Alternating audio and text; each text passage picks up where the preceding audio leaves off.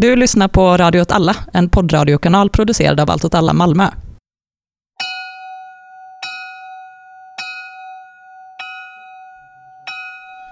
Hej och välkomna till, till vårt nya poddprojekt och pilot. Ja, tack. Ja, varsågod. Välkommen själv. Ja, tack, tack, tack. Eh, Jag heter Martin och jag är här tillsammans med eh, Myran? Myran, ja. Inte döpt. Nej. Nej. Välkänd. Insekt. Är det en insekt? Ja. Ja, vad skönt att jag inte sa fel på det. Ja, podd. Den eh, går under namnet, arbetsnamnet i alla fall, eh, Eld och rörelse. Ja, varför då? Ja, alltså från början var inte det här tanken att ha det här namnet, utan Alla mot alla. Sen visade det sig att Filip och Fredrik hade ett tv-program som hette det. Så det fick bli Eld och rörelse istället. Jag kan tycka att Eldrörelse är ett eh, bättre namn ändå. Jag vet inte vad du tänker. Och det här är ju någon sorts möpig term, men jag tycker den är bra för att man kan tycka att den är dubbeltydig som den militära eld och rörelsetermen, men också som engagemang och organisering. Precis. För, för tanken med podden är ju att kanske försöka analysera eller åtminstone gräva och skapa en, liksom en bredare förståelse om vissa eh, geopolitiska konflikter, eller mer specifikt vissa militära eller då krigskonflikter. Eh, och ja, som du säger så är ju termen då eld och rörelse, det handlar ju om mobilitet och det är en gammal term, gammal liksom, man, man ska inte stå still och skjuta, det är väldigt dumt, man ska gärna skjuta. Eller man får gärna stå still när man skjuter, men sen ska man gärna röra på sig. Ehm, men rörelse knyter ju an till var vi kommer ifrån och vilket perspektiv vi kommer analysera de här sakerna vi pratar om. Och det är ju något generellt vänsterperspektiv, kan man väl säga. Ja, eh, absolut. Men, ja, men det kan man väl också lägga till att, jag menar, vi, det är inte heller en strikt vänsteranalytisk podd. Det här stammar väl ur ett intresse kan man säga. Absolut. Berätta lite om ditt eh, Ja, nej, men precis. Det hade varit jättebra om jag hade kunnat säga att jag var så här eh, doktorand på Försvarshögskolan eller någonting. Och att jag liksom tjänade pengar eller levde på något sätt eh, på, på mitt ohälsosamt stora intresse för, för militära, Eh, militära frågor. Men, men, men så är det tyvärr inte. Eh, utan det är, jag är till mångt och mycket autodidakt, eller jag har liksom pluggat och läst. Och därför kan jag ju väldigt specifika saker och saknar ganska mycket kunskap om, om andra, andra grejer. Så att, så att om någon som lyssnar har mer kunskap så, så, så lär jag mig gärna. Man får jättegärna höra av sig och berätta eh, varför jag har fel, eller varför jag tänker fel, eller varför jag har förstått något. Och min, men min väg in i liksom det militära, liksom, intresset för, för, för eh, militära konflikter eh, och allt det kring runt är väl politisk till viss del. Och att jag tänker att, att förstå så här, efterkrigstiden i Sverige och förstå svensk välfärd och förstå liksom, klassmotsättningar i Sverige eller vad det nu kan vara. Lokalt eh, är, är, är militärkonflikten en central spelare. Ur ett globalt plan så är ju Eh, är militärkonflikter extremt definierande för hur liksom, situationen ser ut för, för majoriteten av alla människor. Antingen just nu i, i termer av gränskonflikter eller, eller resurskonflikter som, som kan te sig militärt. Eller historiskt, hur gränsdragningar är gjorda. Absolut, och jag som inte har ett så stort militärintresse, men har ju ändå blivit eh, meddragen ibland i dina nörderier och tycker ju det är intressant just på grund av de anledningarna, att man får en större förståelse av generella politiska skeenden och så. Samtidigt som jag kan ju tycka det är relevant att också akta sig för att eh, bli för eh, fast i den liksom geopolitiska och militära synen på politik, att försöka bibehålla det liksom perspektivet som vi alltid försöker ha med arbetarklassens kamper som liksom centrala i historisk utveckling och politisk utveckling och sådana saker. Men Ja, men, man behöver ju båda perspektiven på något sätt för att förstå. Och jag, och jag tänker att också att om man läser eh, litteratur, populärvetenskaplig eller vetenskaplig, som behandlar och analyserar militärkonflikter eller, eller försvarspolitik eller säkerhetspolitik, så, så har de i, väldigt stor utsträckning ganska borgerlig förståelse för hur, om man ska använda den termen, liksom, eller eh, väldigt, idealistisk driven förståelse om, om hur konflikter ter sig, hur olika grupper agerar och vilka eh, vilka handlingsmönster som finns. Och vi kommer komma in i det lite längre in i avsnittet, för, för det berör det väldigt mycket. Men väldigt vanligt är att man berövar människor sin agens på något sätt, eller sin, sin egen drivkraft. Och att alla hela tiden bara blir schackpjäser. Och, och det upplever jag också är den kritiken när man tolkar sin omvärld hela tiden genom militära termer. Sådana människor träffar man ju på. Ja. Och, på. och, och de, de människorna gör ofta det att de tänker på världen som ett schackbräde. Och människor som tänker att världen är ett schackbräde förlorar också ofta sina krig. Och att det finns liksom en koppling där. Att berövar man människor sin agens eller kan inte förstå deras agens, då, kan det, då blir deras handlande helt eh, Irrationellt. irrationellt. Ja. Och, och man kan inte förstå varför, varför processer sker. På något. Och, och det vi ska komma till sen berör ju detta väldigt, väldigt mycket. Eh, och utan att liksom prata om ryssfobi eller så, så är det väldigt tydligt att svensk säkerhetspolitik så är ju det här väldigt återkommande. Att, att alla Spelar efter en stor plan ja, precis. att... Det finns en stor plan och den här planen på något sätt är, är, är, är driven av, av en, en enskild individs liksom, eh, konspiratoriska förmåga. Eller så. Ja. Och det kanske du var in, vi är kanske inne på någonting som jag vet att vi har pratat om mycket innan och det är hur man pratar om de här sakerna. För, för det ska vi vara tydliga med att det man pratar, krig är ju, eller militära konflikter är ju fruktansvärda. Att det är något väldigt fruktansvärt, det är väldigt hemskt så. Och, och offer, människor dör, civila dör, barn dör, eh, liv slås i spillror, familjer, ut- flyktingar. Det finns liksom en, en, en hel serie. Och det är väldigt, när man går in och gräver i det här så är det väldigt viktigt då att man visar respekt åt, åt det.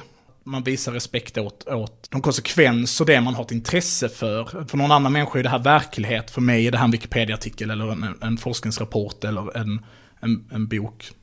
Ja, precis. Och det är en hobby och det är underhållning i viss utsträckning Precis. också. Och det får, man väl, det får det väl vara, men man får samtidigt ha med sig då förståelsen av vad det är, liksom, så att man inte blir överdrivet raljant eller liksom, ja. Nej, och var den här gränsen går också. För jag tror att det är väldigt få människor som skulle säga att det är osmakligt till exempel att göra en, en, eh, en actionfilm baserad på andra världskriget till exempel. Det skulle de flesta människor. Men, men det finns ju människor som lever fortfarande idag som, som levde då. Och framförallt människor som har stora konsekvenser. Alltså, så här, Ja. eh, har fått väldigt stora konsekvenser det som hände där. Men, men det skulle man nog inte se som så problematiskt. Och då, det kommer ju en gräns där det blir osmakligt på något sätt. Och det tror jag att man måste vara medveten om. Men jag tror också att när man studerar de här sakerna, eller man studerar, när man, när man liksom gräver i sånt här, att man hela tiden måste påminna sig själv om det för att också på något sätt visa respekt åt de människor på något sätt. Jag vet inte om du förstår hur jag menar. men Ja, du absolut. liksom- Jag, jag tror jag förstår hur du menar. Jag tror vi tänker samma ungefär. Och jag menar, det är ju också en helt annan sak eftersom vi ska idag prata om ett, en pågående konflikt Mm. och som förvisso är en bit bort i världen men ändå på ett sätt är ganska nära just där vi sitter här idag. Ja, precis. Var sitter vi någonstans? Vi sitter på det sociala centret Solidar som är en lokal som drivs av Allt åt alla och NCDK tillsammans. Vad är NCDK för något? Nu ställer Det jag sådana är- retoriska journalistfrågor. Jag tror att det är Demokratiska kurdiska samhällscentret. På något sätt blir förkortningen Mm. det. Kanske på kurdiska. Ja, men jag menar i vilken ordning kommer bokstäverna? Nej, men vilken precis, ordning kommer orden? helt Ja. enkelt en, en, en kurdisk eh, organisation i, i Sverige. Och den här lokalen vi är och eh, drivs av de här två grupperna. Ja. Allt åt alla och NCDK. Eh, och utrustningen, då ska vi tacka Allt alla. För, både för utrustningen och eh, tillgången till lokalen. Men också hjälpen med att sen sprida podden. Som jag förstått ska vi upp under liksom Allt åt allas poddparaply på något sätt. Radio åt alla heter Radio åt alla. det systemet. Eh, och vi kanske också ska tacka Patrik här, som, som sitter apatiskt och stirrar in i en dataskärm. Och tittar på att ljudet låter okej. Så att ni kan klaga på honom sen om ljudet inte, inte låter bra. Ja, det tycker jag. Stort Tack, tack. tack, och eh, ska klaga. Ska vi eh, kasta oss in i dagens ämne då på något sätt? Det tycker jag absolut. Sent på kvällen den 7 februari 2018 korsar en brokig skara soldater den väldiga floden Efrat. Soldaterna är uttalat lojala mot Assad-regimen i Damaskus och de har stridit mot IS och Fria Syriska armén i åratal. Deras mål sägs vara att driva bort den nyligen bildade syriska demokratiska styrkorna, SDF, från en by de nyligen befriat från IS. Så blir det dock inte. Istället ska krigets modernaste teknologi släppas lös och det dödas ett hundratal av anfallarna på bara några timmar. Idag ska vi prata om varför de här soldaterna trotsar den lokala non-aggressionspakten och varför fanns det massa ryssar bland de döda. Varför var Ukraina väldigt intresserade av att prata om det här och vad kan vi lära oss av den här historien? Specifikt för situationen i Syrien idag är. Ja, Officiellt så går det här under namnet slaget vid Kasham. ja. och vi får väl säga att uttalen på ortsnamn och personer kommer vi inte vara hundra på, men vi gör så gott vi kan. Nej precis, inte så många Kalle och så som är i, i det här. Det finns en rad olika versioner som löpande kommer komma ut efter den 7 februari 2018. Och vi ska försöka sammanfoga dem lite för att se om man kan hitta någon typ av sanning. Det första vi får höra talas om det här, det är den 7 februari, samma dag det händer. Eh, och då släpper CJTF OIR, som står för Combined Joint Task Force Operation Inherent Resolve, som alltså är Amerikanska... precis den amerikanska koalitionens operation att krossa IS helt enkelt. Den heter då eh, Operation Inherent Resolve. Hur skulle du översätta det? Inher eller inneboende lösning. Inneboende lösning, ja. ja. Och det är den koalitionen som det pratas ganska mycket om idag. Följer Syrienkonflikten eller Rojava-konflikten just nu så är det mycket koalitionen pratar man om. Och då är det i praktiken USA, Frankrike, Storbritannien? Det är Eller? jättemånga länder inblandade i det här, typ Saudiarabien och Ja. liksom en hel, en hel radda. Eh, Combined Joint Task Force Operation Inherent Resolve släpper ett pressmeddelande den 7 februari. Där de berättar att tidigare under kvällen, natten, ska en oprovocerad attack skett mot koalitionstrupper, vilket i det här sammanhanget är, då är jänkare, som råkar befinna sig i närheten av SDF och att de svarade på det här oprovocerade angreppet för att skydda sina mannar att anfallet skulle ha skett 8 kilometer öster om den, det konfliktlinje som USA och Ryssland har kommit överens om. Behöver vi gå in närmare på SDF? Det kanske kan finnas en poäng och... Ja, det tycker jag. Nu tänker jag att många av poddens lyssnare har koll på det redan, men varför inte ändå? Ja, SDF är en överbyggnad eh, av en rad olika väpnade grupper. Det står då för Syriens demokratiska styrkor, eller Syrian Democratic Forces. Den huvudbiten av det tidigt var eh, YPG och YPJ, alltså de PYDs väpnade gren, det kurdiska vänsterpartiets väpnade gren. Idag så är majoriteten av soldaterna i den nästan 100 000 man starka formationen eh, araber, ska väl vara tydligt som att säga. Men eh, utan att ha superbra koll så skulle jag väl ändå kunna säga en viss trygghet att, att liksom kärnan och framförallt av, av, av eh, anfallstrupper eller så utgörs av, av kurder, eller människor kopplade till YPG. YPG. Men just att man har som ambition att vara en eh, icke-sekteristisk kraft, liksom att eh, man inte baserar sig på etnicitet och religion, Nej, utan, precis. utan på det här politiska projektet som är Rojava. Ja, och att, och, att man liksom samtidigt då, där är ju lite med kommunalismen då, liksom, att man samtidigt som man inte är Men- etniskt projekt så erkänner man också liksom etniciteten och kulturen och religionens status. Så att det är inte så sovjetiskt att man är så, Nej, det är nej inte du är inte, du är inte från Tadzjikistan, du är sovjetmedborgare, utan Alla får vara med. alla, alla får vara med. Och, och SDF då består av olika militära strukturer, både framförallt då YPG och YPJ och sen har de något som heter Military Councils som kommer bli aktuella senare, men som jag tänker att man skulle kunna säga som någon typ av lokal försvarsstyrka, garnison kanske, eh, hemvärn, Vi som kommer från eh, Manbij till exempel. är Military Council of av Manbij, ja precis. Och så har man en administrativ del, så liksom en, en försvarsdel och en. Och det skapar ju en typ av autonomitet till de här platserna. Att de har ju också då en egen en vä- väpnad styrka som gör att de, man kan inte liksom eh, diktera deras eh, villkor hur som helst. Och den bygger ju på värnplikt då, ska, ska sägas. Tillbaka till den 7 februari, det är det första vi får reda på. Det första som kommer ut officiellt är att det har skett en oprovocerad attack mot koalitionstrupper. De har eh, blivit tillbakaslagna, man har svarat. Exakt hur berättas inte. Dagen efter, 8 februari då alltså, släpper ryska försvarsministeriet ett uttalande där de beskriver att några miliser, ospecificerade miliser, ska ha utfört ett rekognoseringsuppdrag alltså spanat, och då blivit anfallna av koalitionen. Försvarsministeriet understryker att de inte har sanktionerat eller samordnat rekognoseringen. De är också noga med att poängtera att det inte fanns några ryska styrkor i närhet. Det, närhet i det här sammanhanget är ju, är ju lite flytande. Ehm, platsen där utspelar sig då, Kasham, Ka- Kasham, Vi hoppas det. vi hoppas det, ja. ligger, är liksom en förort kan man säga till en, en, en storstad Eh, som heter Desersur, som är kontrollerad och befriad vid den här tidpunkten från IS av eh, ryska och syriska, framförallt då syriska trupper. Desersur i sin tur har en stor flygplats. Det finns en flygplats. Den flygplatsen den, den, den är under kontroll av ryska styrkor. Där finns ryska flygplan och ryska militära rådgivare. Så det, närheten då i sammanhanget, upp till en mil bort befinner de sig. Eh, definitivt. Samma dag som, som ryska försvarsministeriet gör det här uttalandet om att de inte är inblandade, så skriver eh, CNN en artikel där två icke namngivna amerikanska tjänstemän uppger att det finns ryska soldater bland de som har blivit dödade. Vilket då tidigare under dagen ryska försvarsministeriet har menat absolut inte är fallet. Det går ytterligare ett par dagar, 11 februari, då släpper eh, det syriska elitförbandet, elit då i, i relation till den övriga syriska armén, elitförbandet Isis Hunters. Ett ball namn. Då får man ju säga, viktigt med, med eh, PR. De i sin tur, de är en del av syriska arméns femte anfallskår, jag ska komma in på anfallskåren sen lite senare. De är uppenbart en av förbanden som deltog då i det här anfallet, eller det, i alla fall den här händelsen. Och de beskriver förloppet på ett ganska annorlunda sätt jämfört då både vad, vad ryska försvarsministeriet och Operation Inherent Resolve då, eller USA beskriver det.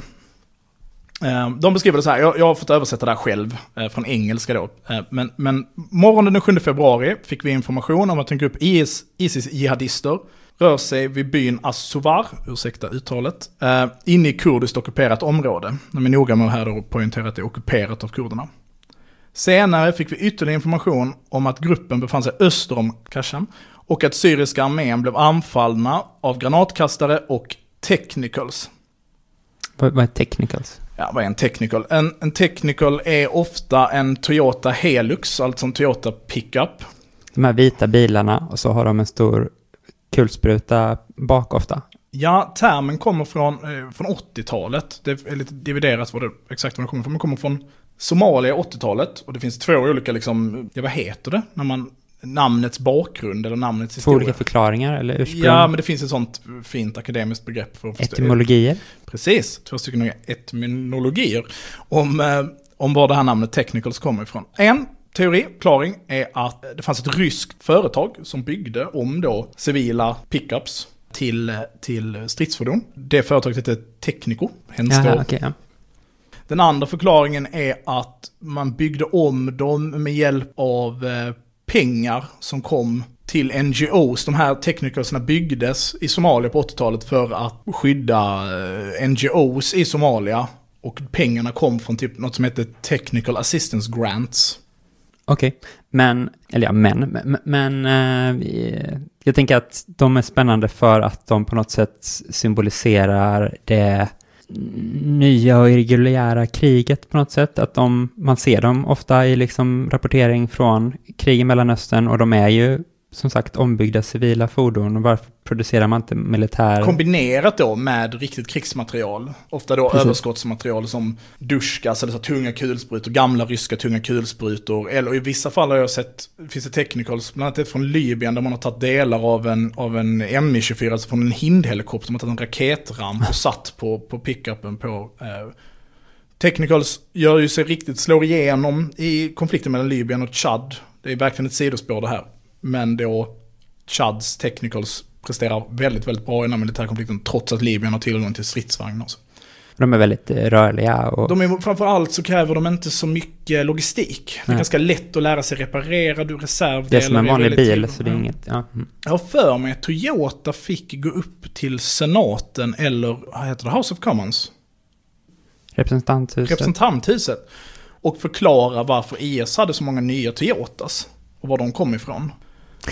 Ja, ja, det är ju spännande hur det kan komma sig Ja. att eh, den Men de hade en förklaring. Nej, jag vet, jag har aldrig hört förklaringen. Jag antar förklaringen heter Saudiarabien, men det behöver vi kanske inte Nej.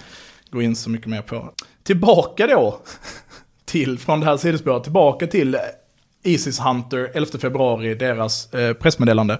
De beskriver att de har eh, jagat en grupp Isis- Isis-jihadister. De har, när de gör detta, flyr de här eh, Isis-jihadisterna in i kurdiskt ockuperat område. Då blir syriska armén anfallen. Först av granatkastare och sen av eh, flygplan. Så deras berättelse handlar ju om att Isis och eh, USA samarbetar. Ja. Isis och kurderna samarbetar. I det här fallet, de, de pratar om, eh, om eh, SDF som kurderna. Intressant nog så avslutar de hela det här pressmeddelandet med liksom sina fallna brödrar och det, det, det är starkt. De beskriver att de har förlorat ett 20-tal soldater. Förklarar de att kurderna nu har angripit den syriska nationen, de härbärgerar IS och de har stulit Syriens resurser. Nämns då i det här pressmeddelandet. Därför är betraktade som IS, kan betraktas som IS och är terrorister och ska jagas ner och jada jada jada. Så. Om vi stannar en stund vid Isis Hunter, eller du vill komma in med något här? Ja, men eh, jag eh, tänker väl mest så, okej, det regnar olika pressmeddelanden om den här händelsen. Är det för att det liksom också finns då en undran liksom? Är det, bör det bli liksom mediabass kring det här tidigt? Att, vad var det som hände egentligen? Och vad är det som motiverar att alla fick berätta en egen berättelse om Ja, det här men så tror jag att det är skedet, att först då kommer den här ut, först att, att det har skett, kommer ut, sen när CNN börjar rota i det eh, och, och att ryska försvarsministeriet har svarat, så börjar man ju förstå att det är en, en stor sak. Det börjar också liksom cirkulera rykten helt enkelt om vad det är som har skett. Man pratar om att det varit liksom blodigt och att man kan se vissa flygplansrörelser och så. Men vi, vi kommer lite till exakt vad det är som har eller inte exakt vad det som har hänt kommer vi inte svara på idag. Men, men där man kommer in på mer specifika detaljer. Isis Hunter, en ganska viktig grej att förstå, eller de, det är en central bit i att förstå den eh, syriska arabiska armén, då, SAA som det förkortas. De är en, en helt frivillig del av den syriska armén, som är utbildad och beväpnad av Ryssland. De ingår i den femte anfallskåren kallas det, och, och det finns fem kårer i, i mm, syriska armén, så de är den liksom senaste. De har tillgång till moderniserade T62, då även kallat T62M, eller T62M1, som är T62 är en gammal stridsvagn från 60-talet som var huvudstridsvagnen för den sovjetiska Röda armén innan den konkurreras ut av T64 och T72. Eh, den skulle vi kunna ha ett helt eget avsnitt om, men moderniserat i sammanhanget handlar om att man har satt på dem eldledningssystem, sikten eh, och viss extra pansar på vissa känsliga platser och så. Så är det en bra stridsvagn? Precis. Jag fick, innan vi skulle spela in den här podden så, så frågade jag lite vänner om vilken typ av podd de ville ha. Och en, Ja. en gemensam vän till oss ville bara ha en podd där vi tog olika stridsvagnar Ratade dem? och ställde dem mot andra stridsvagnar och så diskuterade vi det. Men det finns dataspel man kan spela ifall man vill Det var, så. mm, men han sa också att det skulle vara det, det var en han då förvånande nog. Så, att det, det, då skulle vi få lyssnare så att vi skulle kunna dra oss tillbaka och bara syssla med. Och, Härligt. Ja. Ja. Mm. T62, den var så mycket sovjetiskt väldigt bra när den kom. Eh, och låg i framkant. Det, det stora med T62, det är något man liksom ska kunna om den. Om man nu ska kunna någonting om den. Den är en slätborrad kanon och det är den första stridsvagnen, kan man säga, som har en slätborrad kanon. Den är inte räfflad inuti. Varför är det bra? Ja, varför är det bra? Idag har i princip alla stridsvagnar det. All, eh, och det är för att du kan skjuta... Du skjuter på... Ja, det- jag är inte fysiker eller ingenjör så här, men, men den stora grejen är att man börjar skjuta projektiler som är fenstabiliserade. Man börjar skjuta stora pilar istället Ja. i metall. För räfflor i rör gör ju att kulor snurrar och får en stabilare bana vanligtvis. Så därför är ballistik då. Ja. Mm. gevär vanligtvis räfflade. Ja. Men då behöver man inte det längre när man har vingar på sina Nej, och man, upptä man upptäckte att de hade högre precision, de här fenstabiliserade projektilerna hade högre, högre precision på långa avstånd, de hade tillräcklig genomslagskraft. Och det finns en annan fördel med det som, som, är, som jag förstått är att om du skjuter spränggranater, alltså du skjuter skott som inte ska penetrera stridsvagnar utan ska bara explodera när de landar mot, mot mjuka mål eller infanteri eller så. Då är det inte heller bra, för att du vill att skottet ska kunna gå ganska långsamt och ballistiken ökar hastigheten. Det är bättre om en spränggranat flyger långsamt istället. Så jag antar att det har att göra med att explosionskraften Ja. tas av, av att du deton- når målet väldigt hårt. Tillbaka till Isis Hunter. De hade T62, moderniserade T62 och, och T72. Och T72 är en, en modernare stridsvagn, också den väldigt gammal. Den är jämngammal med stridsvagnar som, eh, eller som tillhör samma generation av stridsvagnar som Leopardetta och, och eh, amerikanska M60.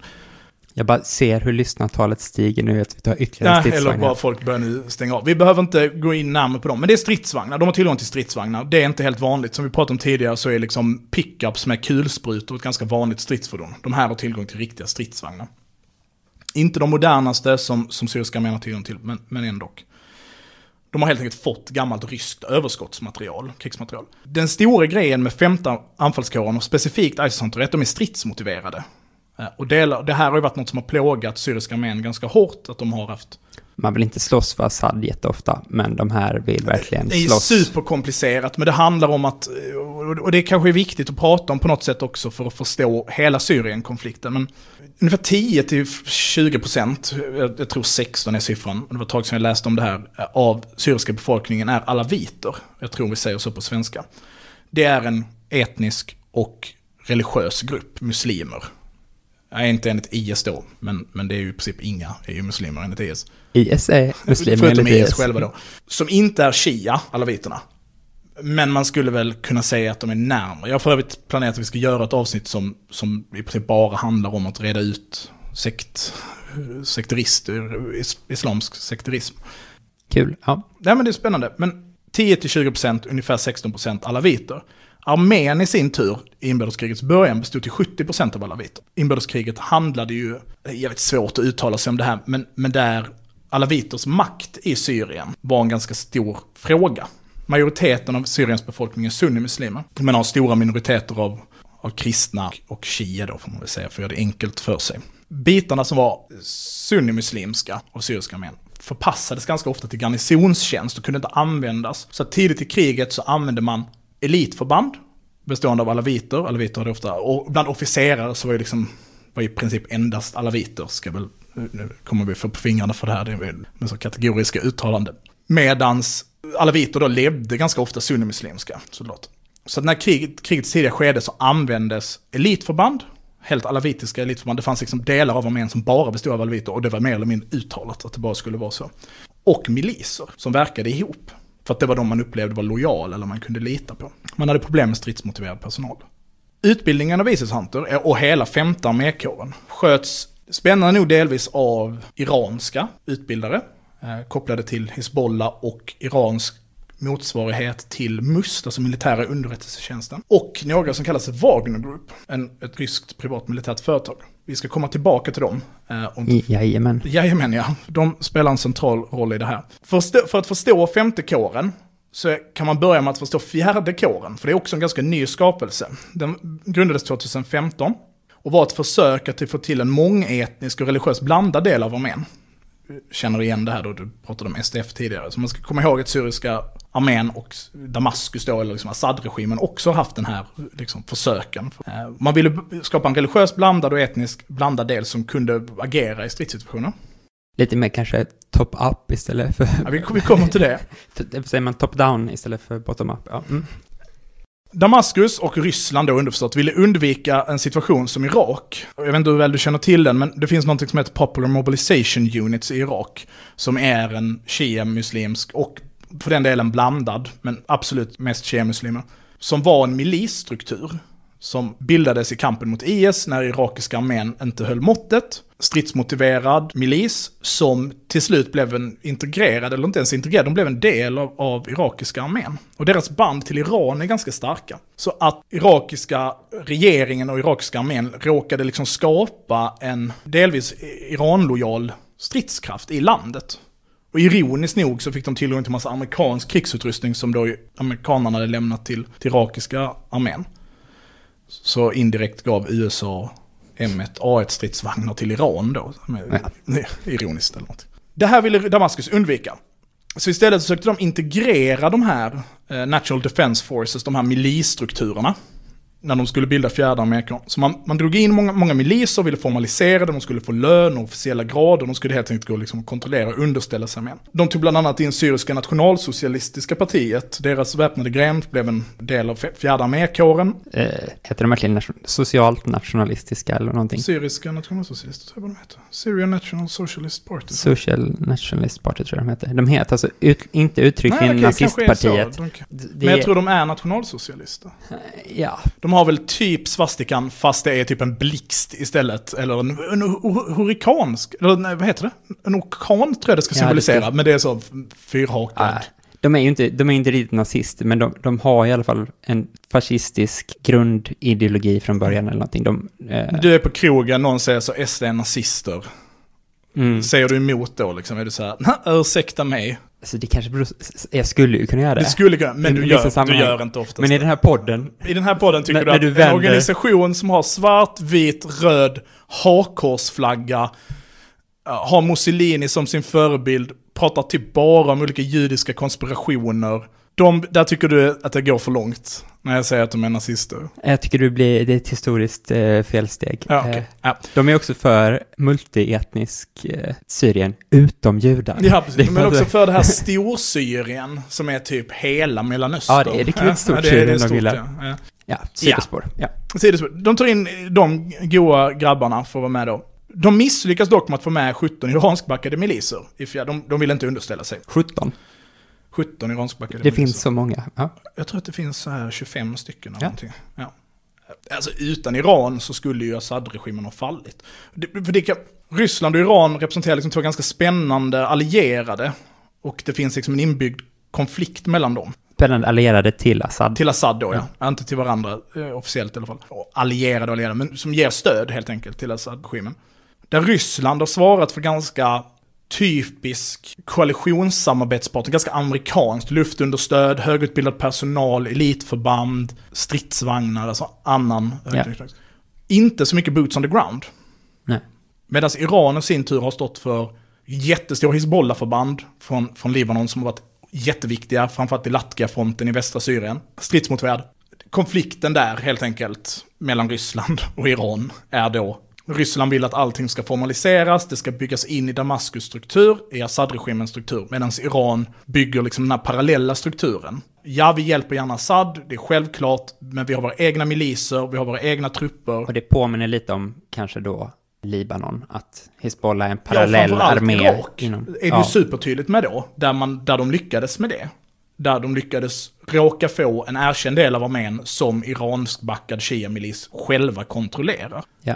Om du vill ha makt över land, tips från coachen, låt inte det hända. Femte armékåren lyckades då i sin tur. De fick in Hizbollah, Hizbollah fick en mer framträdande roll, utbilda soldater. Först nu, efter den 11 februari, så börjar en, liksom en tydliga bild visa sig. Vad som har skett vid Kasham. Tidigt på morgonen den 7 februari, alltså ungefär 12 timmar innan stridigheterna, ska- så ska en, en styrka med ungefär 250 soldater från lokala arabiska miliser, mer specifikt Bekara och Al Hamad, ursäkta uttalet, tillsammans med soldater från fjärde divisionen av syriska armén och en afghansk och irakisk milis, som då de här, den afghanska och den irakiska milisen är understödda av Iran, tar sig över eh, floden Eufrat. E- Floden Efrat, ja precis. När jag refererar till floden så är det Efrat som gäller. Ett par mil sydöst om Desersur, den här större staden som är, har blivit befriad av, av syriska armén eh, typ ett år tidigare. De försöker ta sig över floden med hjälp av militära potonbroar. De lägger ut broar. Broarna över Desersur är sprängda sedan ganska lång tid tillbaka. Vi ska komma tillbaka till en av broarna för att det, som händer nu spelar liksom roll lite med övergångar och så. Men, men de, de bygger ut en pontonbro, de lagt ut en pontonbro, de försöker ta sig över. 250 soldater, så två kompanier ungefär. Ett par mil sydöst om Desersur och ungefär en halv mil eh, sydöst om staden eh, Kasham då. De tar sig över, blir beskjutna med varningseld från en amerikansk postering, jag antar typ Army Rangers. Och Dra sig tillbaka. de drar sig tillbaka, tillbaka på floden.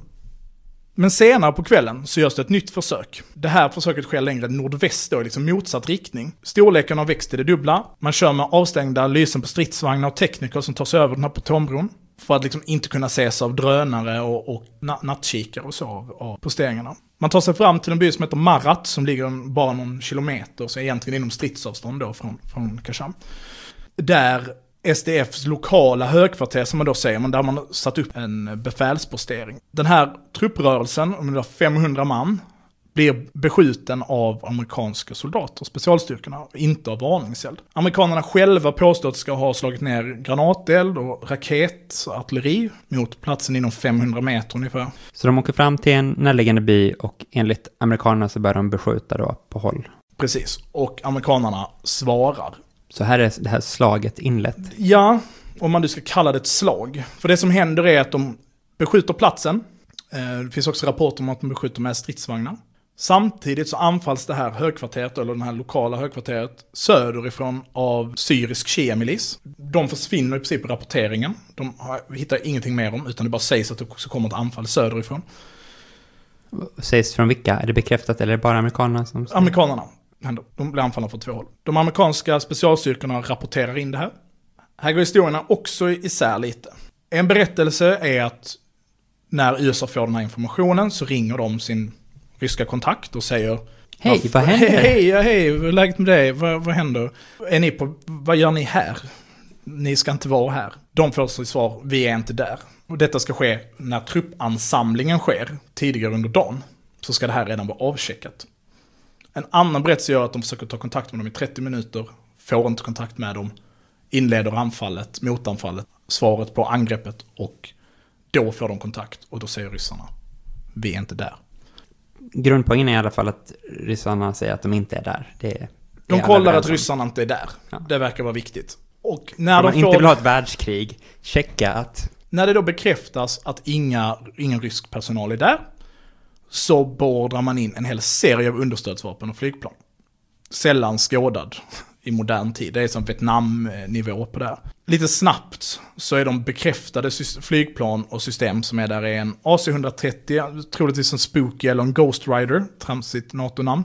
F-15E, som är alltså Kan du bara säga ifall det här är en helikopter eller ett flygplan Ja, när du går igenom dem i alla fall? Liksom, så att vi, En AC-130 är ett stort transportflygplan där man har satt jättestora kanoner på magen på flygplanet som skjuter neråt. Eh, kanoner som är artillerikanoner i princip. F-15E, attackflygplan med mm, som markmål. Eh, drönare med Hellfire och Maverick-missiler. A64 Apache-helikoptrar med raketramper, jättestora helikoptrar med massor av vapen. B52 bombplan, alltså stora, jättestora, B52, det vet kanske folk till och med vad det är för något, men stora liksom, eh, de släpper stora bomber också antagligen. av framförallt väldigt många bomber. Och inom räckvidd så befinner sig marinkårens artilleri, så de skjuter med konventionella artillerikanoner, haubitsar och med eh, MRLS-system, alltså raketramper, man skjuter liksom 60 raketer. Amerikanerna har en, Nej, det finns en teknisk term för det, men helt enkelt att man ställer in artillerikanonerna så att man skjuter, så att alla skott detonerar samtidigt, träffar sker samtidigt. För att skadan görs oftast i första vågen, för då står man upp fortfarande när... Så när allting smäller samtidigt. det är väl målet då, så det är bara Mm. en, en, en, hel serie av eld. Och Det är jätte, jättejobbigt att vara på den platsen. bokstavligt förintar det som befinner, s- befinner sig där. I alla fall i första eh, steget. Och man, man stannar inte heller där, man, det blir liksom inget mer anfall utan man bara beordrar in alla de här understödsvapnen. Det finns film på när man beskjuter deras stridsvagnar med, med robotar med uppenbara träffar som slår ut vagnen fullständigt. Och, och sen är det över. Det hela tar fyra timmar ungefär. Man kan, så kan man väl säga att så länge från liksom första kontakt till slut så är det liksom fyra timmar. SDF rapporterar in en död. Eller en skada, det är jag inte säker, men det är liksom förlusterna. Och förlusterna på andra sidan är väldigt omdiskuterade. Däremot så, så tydligt att USA gör en, en grej av det här för att det är inte så att det räcker heller när de har gjort det här, de drar sig tillbaka, utan även om dagen efter, 8 februari, när man kommer dit för att hämta kropparna av de som är dödade, så beskjuter man dem med väldigt tunga vapen. Och sen beskjuter man även deras uppsamlingsplats på andra sidan Efrat, alltså på andra sidan där konfliktlinjen beskjuts.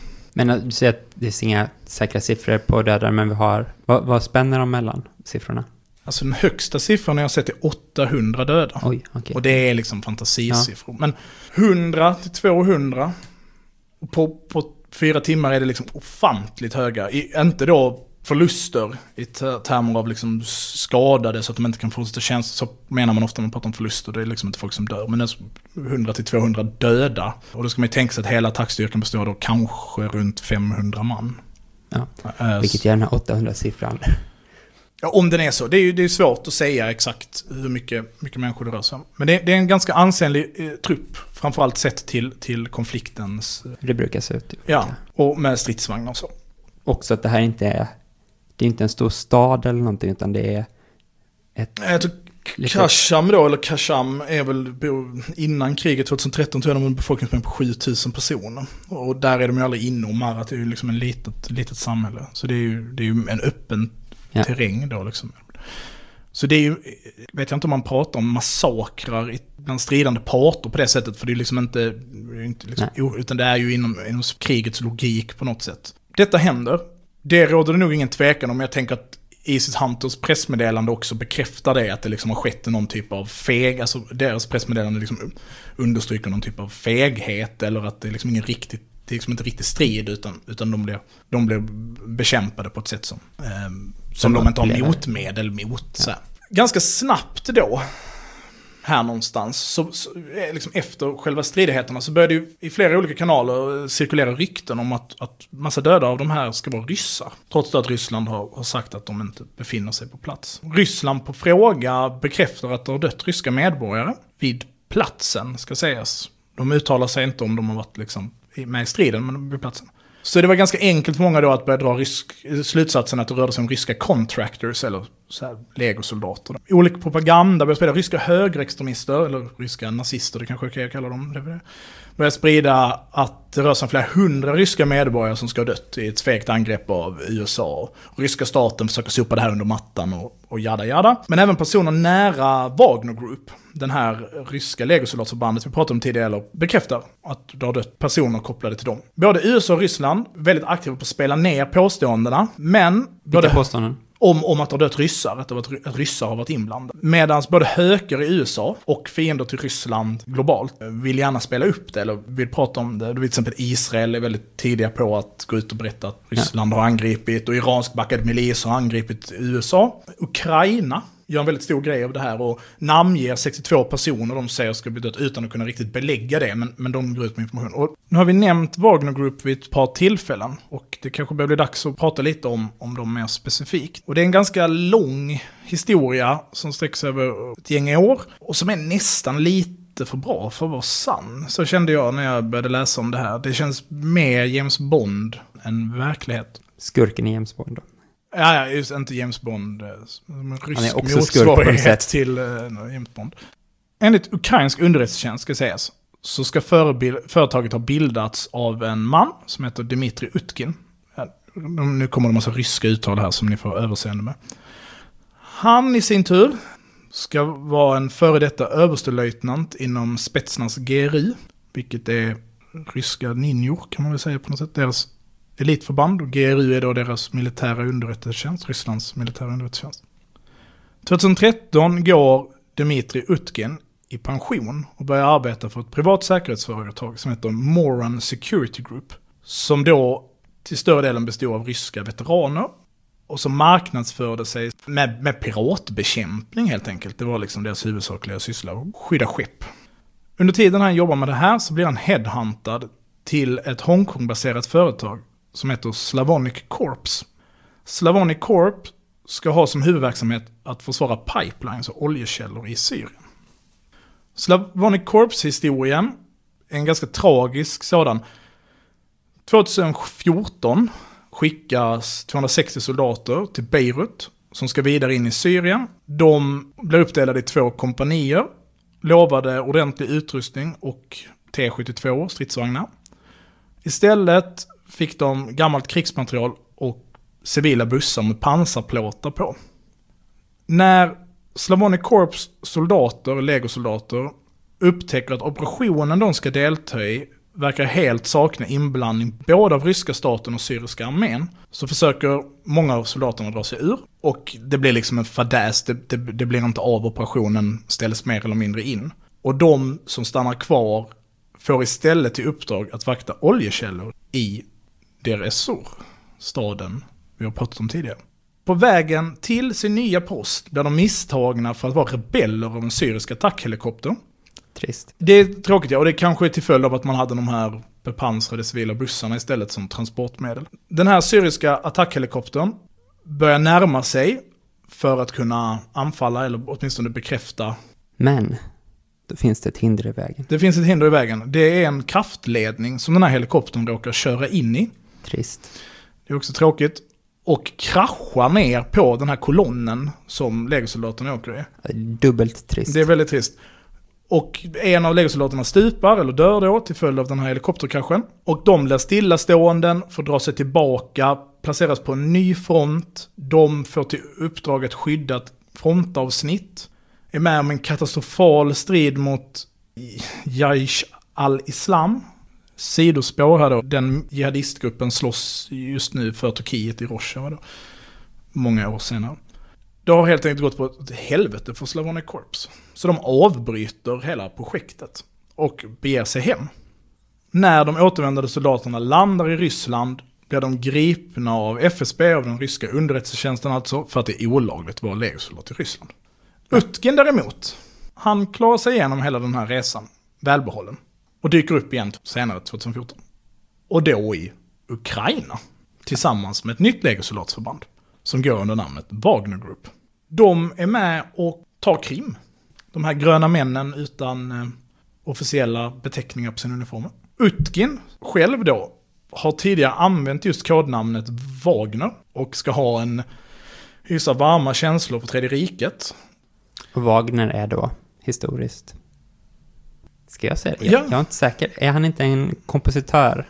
Jo, är det så? Eller är det en opera som handlar om Wagner? Jag Nej, det känns som en bit vi kommer klippa bort det här när vi sitter och gissar om... Ring eller någonting som är hans opera och sen så är, heter så? han Wagner, Ja, ja. kompositör. ja, men det är kulturhistoria här. Uppskattad av nazister på Jag något tänker sätt. bara på sådana skö, sån sköld med... med, eh, med Precis, det är någon sån fornnordisk mytologi En som... Valkyria Ja, precis. person Ja. då, ja. Valkyrians rytt, är den eh, från Wagners opera? Det tror jag. Ja. Den som också ska vara, vara jingel då antagligen. Ja. En variant av Mm. den. Eh, ja. ja. Det var ett sidospår. Jag tittar på producent här som inte uppskattar våra sidospår. Utgin, gillar Tredje riket, är polare med Putin, syns tillsammans med lite bilder tillsammans med honom. Och tillhör ett hedniskt samfund i Ryssland. En, en sekt, en sekt religiös Mer samfund. James Bond-skurkspoäng. Det får man ju verkligen säga. Wagner Group har ungefär 6 000 anställda. Deras träningsläger ligger konstigt nog i direkt anslutning till ett av ryska försvarsministeriets träningsläger. Men är registreras som ett sommarkollo för barn rent skattemässigt. Också, Obehaglig touch, ja. ja, är också konst, konstigt. En teori om Wagner Group är att den inte finns. Att det är en del av hybridkrigsföringen Ryssland har, alltså det här sättet att föra krig som, som Ryssland har gjort sig har varit mycket prat om det i samband med Ukraina och en del med Baltikum. Att man, man för krig men kan hela tiden formellt sett förneka att man gör det. Man, det är väldigt alltså när jag tänker på hybridkrigsföring så tänker jag att det också är väldigt amerikanskt. Operation Hotfoot i Laos till exempel. Alltså att man har trupper som man kan förneka är sina egna. Och att Wagner Group spelar liksom in i den berättelsen. Det gör inte jättemycket ifall andra liksom typ fattar att man ligger bakom.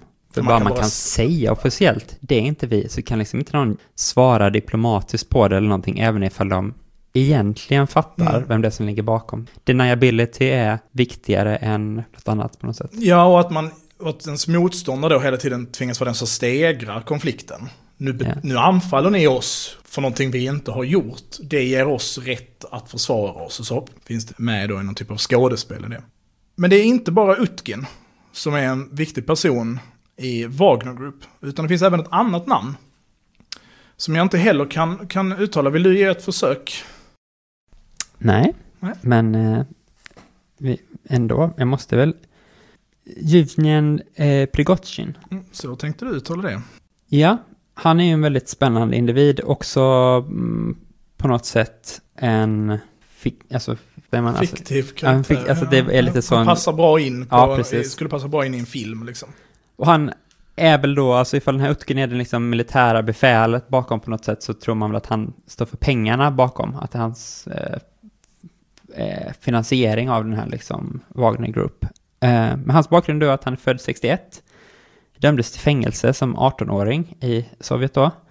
Eh, för typ stöld eller något sånt här. Sen så när han var 21 så dömdes han igen.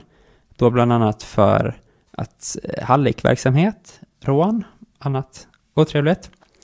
Eh, då fick han sitta ganska länge, fram till 90-talet. Då kom han ut och startade ett varmkorvsföretag såklart. Han är Putins kock på något sätt va? Ja, han fortsätter inom matbranschen eh, och startar en flytande lyxrestaurang. Alltså det här korvkioskföretaget gick ju då tydligen oerhört bra eftersom just där, i, när Sovjet faller så går ju tydligen all så kallad entreprenörskap extremt bra. Så då kunde han bygga Undrar hur det gick till liksom. Ja, eh, korv också, den här obehagliga liksom, vad har man stoppat i korv? Ja, det finns så mycket där. Han eh, bygger bland annat en flytande lyxrestaurang som blir väldigt populär bland eliten. Och Putin har ju till exempel dit Jacques Chirac och George W. Bush och han firar sin egen födelsedag där och så. Och då är det så att det finns liksom berömda bilder när han serverar Putin. Uppenbart då så kommer de bli bekanta på något sätt och att han kan använda den här bekantskapen sen för att fortsätta att eh, bygga sitt liksom, företagsimperium och han börjar bli liksom matleverantör till skolor i Ryssland, så liksom catering på jättestor skala. Jag tror att de också förser den ryska armén med alla matransoner numera. Så Okej, att, ja. Men det är mycket ja. pengar i det. Också att man har Putins blessing verkar ju betyda att man får göra lite vad man vill, så han verkar hålla på med olika skumraskaffärer då också. Och en av de här sakerna han startar är ju då en trollfabrik, som Mm, det ja, just kallas det, i media. trollfabriken ja. Alltså, För han är inblandad i midterm-valet i USA. precis. Men sen så då så slår han sig också in i privatarmé då, som, Så varmkorv, flytande restaurang, skolmat, legosoldater. Ja. Bred, bred palett att måla med. ja, toppar liksom glassen där på, på, på, slutet. Och antas då finansiera Wagner Group på något sätt. Ett annat viktigt företag som han har är Europolis, Ja, som tidigare var ett matföretag då. Okej. Eh, en del av hans matkoncern. Men från ett år till ett annat så gick det då från att ha registrerade huvudverksamheter, som i skattemyndigheterna i Ryssland eller vad det är, de registrerade. Ja, catering, mat, livsmedel. Nästa år, olja, mineraler, gas.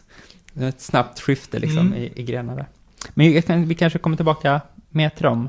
Ja, Senare. absolut. De är, de är väl en av de stora analyserna om varför det här, varför det här händer då, eh, slaget vid Kasham. Tillbaka till Deresor då, till slaget. Mycket pekar på att ryska legosoldater ska ha deltagit. Som jag pratade om innan så namnger Ukraina, eller ukrainsk säkerhetstjänst, ett 60-tal legosoldater. Problemet är att de här uppgifterna kan inte verifieras och man, man måste vara medveten om att, att i det här så finns det ju det här ett stort intresse, både inom USA och inom liksom, den ryska politiken, att få det här att handla om Ryssland. Trump är ju president vid den här tidpunkten. Och anklagelsen om Trumps samarbete med Ryssland är väldigt stort. Liksom. Så att det är mycket politiskt spel. Det Spiegels gräv då, ska sägas, som, som kommer flera veckor efter händelsen, menar till exempel att inga ryska legosoldater ska ha dött. Utan de ska ha dött vid ett annat tillfälle. Vid, eller inte vid ett annat tillfälle, vid samma tillfälle fast på en annan plats. När de röjer ett hus så ska de ha gått på en försåtsminering och dött. Och hamnat på sjukhuset, samma sjukhus då som de skadade från slaget vid Kasham. Och det är så det här ryktet har uppstått. Och att anfallet ska ha initierats och utförts av Shia-milis. Att det är Iran som ligger bakom angreppet. Och då med motivet att begränsa amerikansk tillgång av den syriska oljan. Det som talar för både att det har funnits en, en rysk-amerikansk konflikt i det här. För det här är inte första gången det smäller mellan Ryssland och proxys då som man säger, eller liksom deras allierade i, i regionen. Slaget om Raqqa utspelar sig nästan ett år tidigare, så våren 2017. Och fram till Raqqa har ju skett mer eller mindre en kapplöpning. Man kommer först fram och ta IS huvudstad, kalifatets huvudstad. Som vi då vet så är det ju amerikanerna tillsammans med SDF som omringar staden och, och bekämpar. Och I det här då, först att det sker en, en kapplöpning fram till Raqqa. Sedan skjuter amerikanska jaktflyg ner ett syriskt jaktflyg strax söder om Tapka, alltså dammen. Som enligt USA ska ha bombat SDFs positioner. Detta förnekas dock av alla inblandade, alltså inklusive SDF själva. Ingen vet någonting om någon bombning. USA säger att de har bombat kurdiska styrkor, USA har därför skjutit ner det här flygplanet. Kurderna säger att vi har inte blivit bombade. Det fanns en bro över Desersor som byggdes av eh, ryssarna, en provisorisk bro. Över floden. ja. Över floden Efrat då. Som tog, tog ens från den södra till den norra delen av staden. Ja, eller från den östra och den västra. Hur som haver. Den här provisoriska bron förstörs när vattennivåerna höjs i Efrat. Plötsligt, den 9 januari. En teori är att det är Tapkadammen som då kontrolleras av SDF och amerikanska styrkor. Som helt enkelt bara höjer vattennivån för att förstöra bron över. Så det redan det finns liksom en spänning, både då i kapprustningen och hinna först. Och vad, är det då man ska hinna först till? Det är oljan, eller naturgasfälten då, som ligger i direkt anslutning till de här. Och det har ju du lite bättre koll på, om du skulle vilja... Mm, ja, men jag kan ju inte så mycket om olja i grunden, men nu fick jag lite uppdrag här att försöka läsa på, och det har jag gjort. Man kan säga först att eh, Syriens oljetillgångar, det är inte en jättestor del av världstillgångarna på olja. Det är bara 0,5 procent av världsproduktionen innan kriget då, som kom från Syrien. Men det var ju väldigt viktigt för den syriska ekonomin. Så kanske 20 eller 25 procent av hela den syriska statens inkomster kom från oljeexporter. Och det är även viktigt för att man konsumerar ju olika olja och gasprodukter själva inom landet och det blir dyrt ifall man måste importera dem istället då. Man kan säga att produktionen hade sjunkit sedan 90-talet fram till 2010 för att den började ta slut eller det blir svårare hela tiden att komma åt de reserver som finns utan rätt utrustning. Så Assad sökte olika partnerskap med utländska företag som kunde komma in då med teknik och kunskap och hjälpa till att ta öppna oljan och de bildade då det här statliga syriska oljebolaget bildade olika konsortium, alltså samföretag med utländska företag och det var både då västerländska företag som till exempel Shell, men även ryska företag. Kriget var förödande för den här produktionen och oljeproduktionen sjönk från 380 000 fat per dag till 2 000, alltså mer än 99 procents tapp liksom. Så det hela blev utraderat mer eller mindre. Gasproduktionen blev inte riktigt lika hårt drabbad från Eh, 21 miljoner kubikmeter om dagen till 6,5 miljoner. Men det är ju ändå, vad är det, Nej, 70 procents tapp eller någonting. Och regimen förlorade alla viktiga fossilfält. De ligger i den centrala, men framförallt östra och nordöstra delarna. Och där var ju IS och eh, SDF istället som fick kontroll över de här. Medan Assad-regimen har varit starkast i västra delen av landet ut mot kusten, där de stora städerna ligger. Så det var viktigt för Assad att försöka ta tillbaka produktionen. Slaget vid Palmyra var en väldigt central och motiverad, kanske i hög utsträckning, av det 2016. Och redan där var Wagner Group en avgörande kraft att, att lyckas med det. Eh, och sen så även fälten utanför Homs 2017. Och där är de mycket av de stora gasfälten. Så efter det så var produktionen av eh, olja lite högre i alla fall, upp på 6 procent, medan gasen var tillbaka på 80 procent av den ursprungliga produktionen. Enligt de uppgifter jag har hittat. Man kan väl säga att det är, det är inte djupare än att jag har googlat runt på det här. Liksom. Men också enligt de uppgifter jag sett så saknas det då ungefär 50 till 90 000 fat olja per dag för att täcka Syriens inhemska behov ens. Så det är fortfarande en stor tryck på dem att försöka få tillbaka produktion. För innan det händer så måste de ju antingen då importera olja eller att sanktionera den eller få slut på den internt. Och det här hände exempelvis i början på 2019 så blev det en stor bränslekris mitt i vintern när det var som kallast i Syrien och man fick helt hade inte alls tillräckligt mycket för att liksom värma kraftverk och sådana saker. Och Europolis kommer in i det här. De kommer in på ett spännande sätt. Skulle du då. beskriva dem som legosoldater? Eller säkerhetsföretag? Nej, som sagt, det är ju ett matföretag. Men det spännande är då att de har då gjort en, ett avtal som har läckt ut. Med Damaskus? Med Damaskus. I utbyte mot att de ser till att oljefälten kommer tillbaka och kontrolleras av då de och syriska regimen, att de vaktar dem, säkerställer dem, så ska de få 25% av alla intäkter från oljefältet. Hur står det sig i deal med liksom motsvarande situation i Irak eller vet du vad amerikanerna fick? Nej, vi vet inte kanske, men jag kan ju säga att i de här konsortierna med den syriska staten från före kriget. Då var till exempel en Shells deal verkar ha varit att de ska få 20% alltså en lägre andel, i utbyte mot att de är med och driver anläggningen.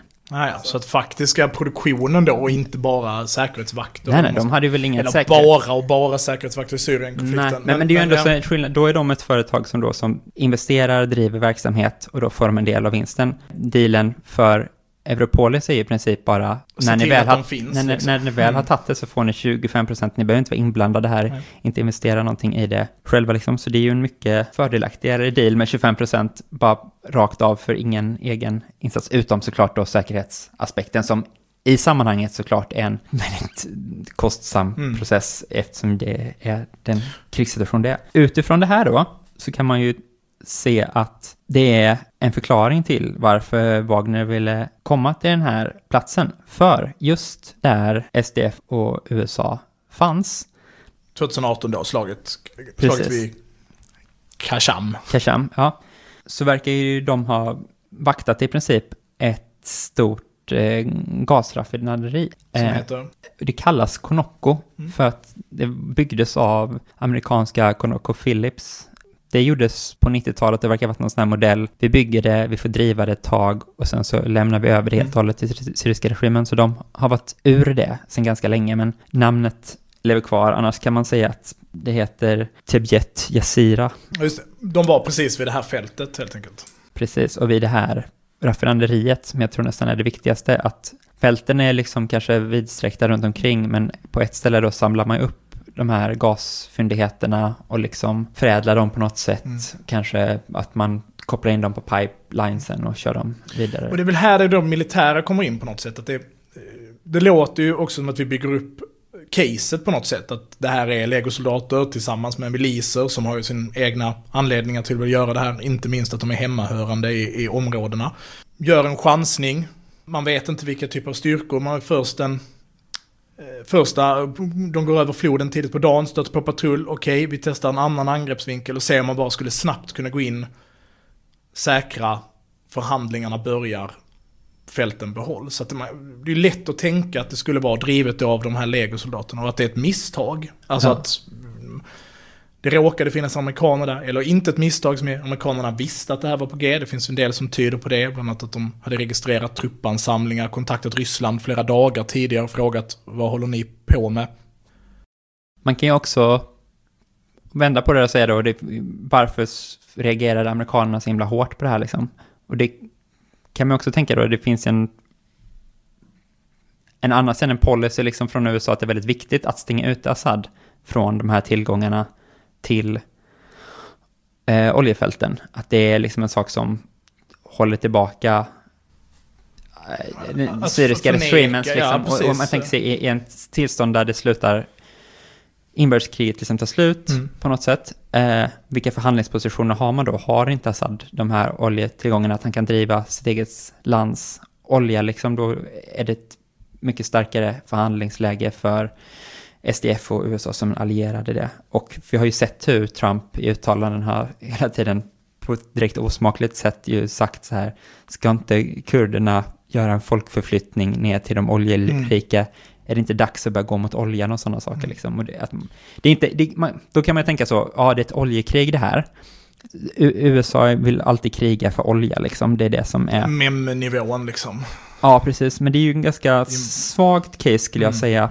Å ena sidan då, för att det är en så liten andel av världens mm. oljereserver, 0,5 procent. Irak har mycket mer olja, andra, Ryssland har mycket mer olja, USA själv har mycket mer olja. Alltså det, det är inte nu har de ju andra sidan oljan. Alltså, det, det ska vara tydligt att säga att SDF säljer ju oljan till Syrien. Det är inte så att den... Ja, ja, så, mm, men men, men alltså, de har ju redan den. Och, om du förstår vad jag menar. Det är inte som att de behöver invadera ett land för att få tag i oljan. De är ju redan där oljan är. Operation att, in... Att vilka inte behöver det? USA. Nej, nej. De är ju redan där. För det är tydligt det som händer nu, det senaste, senaste, men det vi vet om den amerikanska operationen i Rojava eller i norra, nordöstra Syrien är ju att det är den enda platsen vi vet att de är kvar. 30 mekaniserade brigaden, om jag inte missminner mig, har placerats där, en bit av nationalgardet har placerats just vid de här fälten med stridsfordon. Det är väldigt tydligt att Absolut, men jag menade kanske på en högre nivå där man tänker så, Anledningen till att USA är i krig runt om i världen handlar alltid om olja. Ja, det finns nej, en sån, en, nej, nej. på en MEM-nivå, varför från början blandade sig USA i det här kriget. Det är ju uppenbart, såklart, är det tramsigt att tro att det är för att de bryr sig om Assad är en diktator, de är för demokrati, alltså det vet vi är trams liksom. Men vilka geopolitiska intressen mm. handlar det här faktiskt om? Då är den här förklaringen, det finns olja i Syrien, alltså, alltså Nej, den är, är den är dum liksom. Det, det, den, är, den är korkad ja, för så, är, så enkelt är det inte. Så är det inte. Men vid förhandlingsbordet för SDFs del, eller, och då indirekt för USA, de sätter USA vid ett eventuellt förhandlingsbord om framtida Syrien. Ja, så kan man tänka i alla fall. Och sen för Wagner Group, eller för den här affärsmännen och Europolis och det, då kan man kanske tänka sig att det är ett oljekrig i en mer direkt utsträckning, för det är ändå så oerhört mycket pengar såklart. Ja, för 5% av världens oljeproduktion. 0,5. 0,5, okej. Okay, ja. Det är ändå extremt mycket pengar. Det, det, är, det är ofantliga... Ja, men du säger också hur gick det i Irak? If man ska återigen då tänka kring det här med oljememmen. En erfarenhet från Irakkriget är ju då att även efter man avsatte Saddam och fick en ny, en ny styrelse av Irak så har ju inte det blivit så att amerikanska företag har liksom fått ut den stora, stora vinsten från oljefälten där, utan det är ju eh, lika mycket i princip kinesiska och ryska Mm. företag som har gjort deals efteråt.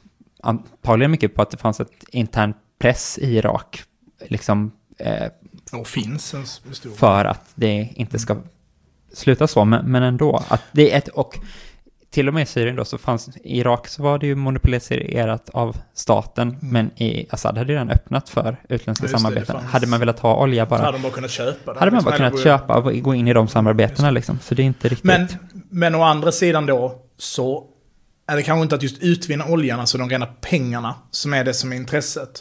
Utan kontrollen av dem.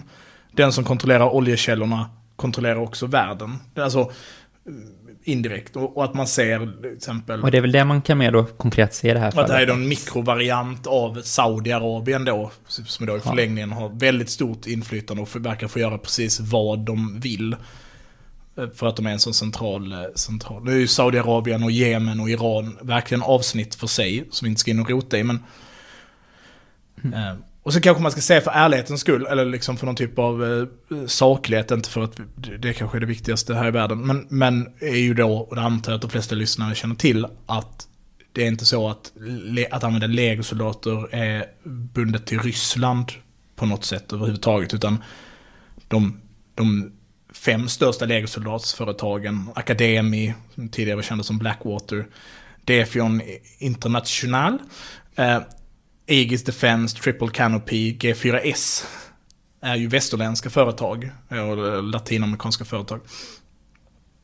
Uh, och där till exempel Aegis Defense Service är liksom kända för att ha dödat civila i Irak kopplat till oljeproduktion. Blackwater ska vi inte, eller Academy då, ska vi inte ens prata om. Så det är ju inte ett ryskt fenomen. Det är liksom bara så att vi är tydliga med James Bond. Jag tror att Prince, tror jag att Blackwaters eh, ägare heter. Bara så vi är tydliga med James Bond. Ja. Ja men både så vi tydliga med James Bond-skurkeriet så är det ju som att Blackwater hade ju, passar ju om möjligt ännu bättre in i en sån här berättelse med någon sån här kristen korstågsretorik, skapar legosoldat. Det känns ju som, nu är inte jag stor dataspelare på det sättet, men Far Cry 5s story i princip rakt upp och ner så här. Äger ett gigantiskt compound med ett stridsflygplan i USA och är jättekristen. Så amerikanska intressen kanske inte är motiverade av olja. Ryska, nej inte heller. De har egna Ja, medelhavsbasen, alltså möjligheten till, till medelhavet Precis. De har egna oljetillgångar och de har egna geopolitiska intressen och andra ekonomiska intressen också. Alltså det finns ju hela återuppbyggnaden av Syrien efteråt. Mm, eh, det finns till exempel fosfatgruvor som en stor, eh, stor grej där.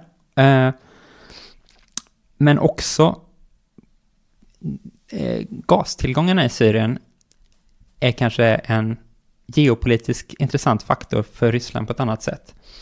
Eftersom eh, Ryssland kontrollerar de andra källorna, stora källorna till naturgas till Europa, Just det. eh, som vi också har sett i andra konflikter. Eh, Så det är en del av liksom en monopolisering egentligen. då. precis, att Syrien kanske är intressant som en hubb för gasledningar som går igenom från till exempel Jordanien upp genom Syrien till Turkiet till Mm. Europa. Eh, och genom att liksom sitta på kranen där så sitter man precis som man gör mot Ukraina till exempel, att man kan stänga gastillgångarna och det har Mm. ett politiskt värde liksom. Eh, så, så att det finns, det finns en annat lager av Mm. just det här oljegaskriget som inte är rent Bortom ekonomiska. liksom också på Mm. som är geopolitiskt snarare. Jag tänkte en annan eh, aspekt på det här, varför det här anfallet kanske hände och varför det misslyckades.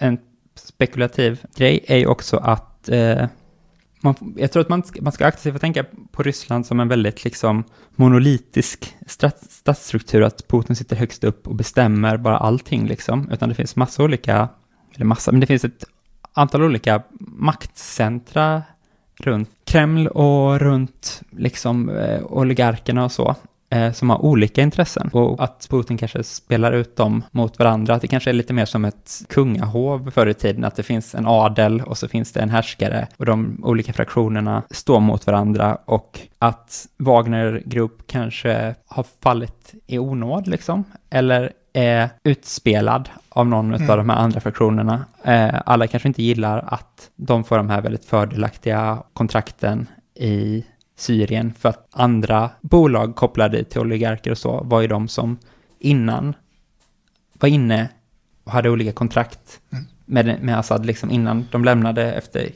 kriget började. en konflikt bland de övre klasskikten i Ryssland och centrala gestalter som vill olika saker eller... Och, och man kan ju se att eh, han här Prigozhin, varmkorvsskurken, verkar ju nu på senaste tid till exempel ha tappat kontrollen över sitt kärn-cateringföretag liksom. Så Mm. han kanske är på väg ut. Att, Mm. att han har, inte längre är under Putins vingar på samma sätt liksom. Att, ja, då kan man ju spekulera i hur det skulle kunna gå till, men att, att på något sätt Ryssland inte bryr sig om att backa upp det här, eller att de, de till och med blir uppmanade att göra det här för att misslyckas av liksom. Det Mm. finns ju också olika delar av de ryska säkerhetstjänsterna, GRU och FSB, verkar ju ofta vara i Har, har Konflikt med liksom varandra, liksom, och som- eh, som du- så senare så var ju FSB de som grep återvändare, Mm. legosoldater, medan GRU verkar vara de som delar ut pass och sådana Mm, saker Just det, kopplade som är till. Ukraina där, exempel, där. Ja. Tänk att då det är passande att säga att anledningen till att vi vet massa saker om Wagner Group är för att journalister har grävt i det och blivit mördade.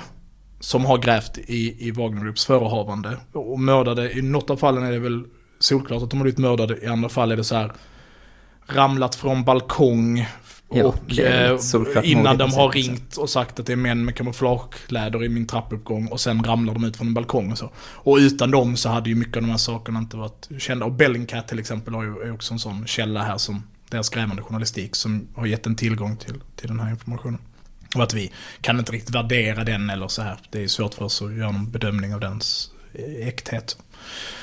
Ehm, Men ska vi också säga någonting om liksom, men alltså geopolitiska planet med Iran, Ryssland. jag tänker Jag tycker det är liksom- intressant med det här som du har sagt förut, att det finns liksom ett samarbete mellan Ryssland och Iran som båda stöttar Assa- Assad, men samtidigt finns det en konflikt, hur den liksom går igen i allt det här med de olika... delarna av armén eller väpnade Ja, styrkor och, så, och kontroll. Och att Och det, det är ju så att, att Irans inblandning i Syrien på sikt hotar Assads styre. Så det ska man inte sticka under stol med. Att, För det finns någon på något sätt övergripande iransk plan om att man ska... Kan man kanske. tänka sig i alla ja, fall. precis. Om att koppla liksom Libanon, Syrien. Ja, den är väl Irak, historiskt Iran. korrekt. Alltså, Ja. eh, Saddam i sin tur kommer ju till makten i Irak av CIA, brittiska underrättelsetjänsten, för att sabotera att typ Syrien och Irak ska bli samma land. Vilket ju är en väldigt, alltså, och en allians, en försvarsallians, eller en ekonomisk motsvarande liksom, samarbete mellan Iran, Irak och Syrien skulle bli en maktspelare i regionen som inte eh, går att räkna bort. Och både att Ryssland kanske inte har ett jättestort intresse av det, men också att den shia-minoritet som i Syrien, som Iran backar upp, kommer ju vilja ha en bit av kakan när fredsavtalet stry- skrivs. Eh, Och i Ryssland har ju inte det intresset på samma sätt. Nej, och Rysslands motsatta intresse, det, jag tycker det är spännande hur det går igen på något sätt här då. För det här caset är inte helt unikt. Det finns andra fall där då ryska oljebolag, andra ryska oljebolag har fått en deal, till exempel på de här fosfatgruvorna då, som säger kan ni bara erövra det här åt oss? Då blir ni de som får driva den här gruvan sen. Så samma, fast inte Mm, riktigt samma deal, okej. men ungefär samma deal. Och det intressanta är att innan så var det nästan klart att det var Iran som skulle få gå in och göra det här givet. Och sen så verkar då Ryssland ha spelat ut Iran så att de istället får det på samma sorts då, eh, legosoldat Mm. erövringsstil. Sen så visar det sig att i det, trots att kontraktet skrevs på något sätt, att privata legosoldater skulle vakta den här fosfatgruvan, så blev det i slutändan så att ryska armén istället gick in och gjorde det här. Mm. Assad och ryska armén tillsammans erövrade den. Så det är också intressant, liksom, hur man då kan tänka sig, är det här verkligen representanter för faktiska företag? Eller är det bara ryska staten? Mm. Eller fraktioner av ryska staten i liksom andra former då, eftersom uppenbart armén då kan göra det som i kontraktet står att en sån här legogrupp ska göra istället. Mm. Ja, men jag tänker att vi tackar för oss för den här gången. Absolut. Och sen Syrien lär vi väl återvända till. Det finns mycket där. Och Ryssland också för den delen. Om det, om det blir några fler avsnitt, om men någon vill precis. lyssna på det här. Ja, om någon, någon Får se. vill. Vår producent ser måttligt nöjd ut. eh, Så vi får Om någon vill klippa det här. Ja, precis. Eh, tack så mycket. Tack.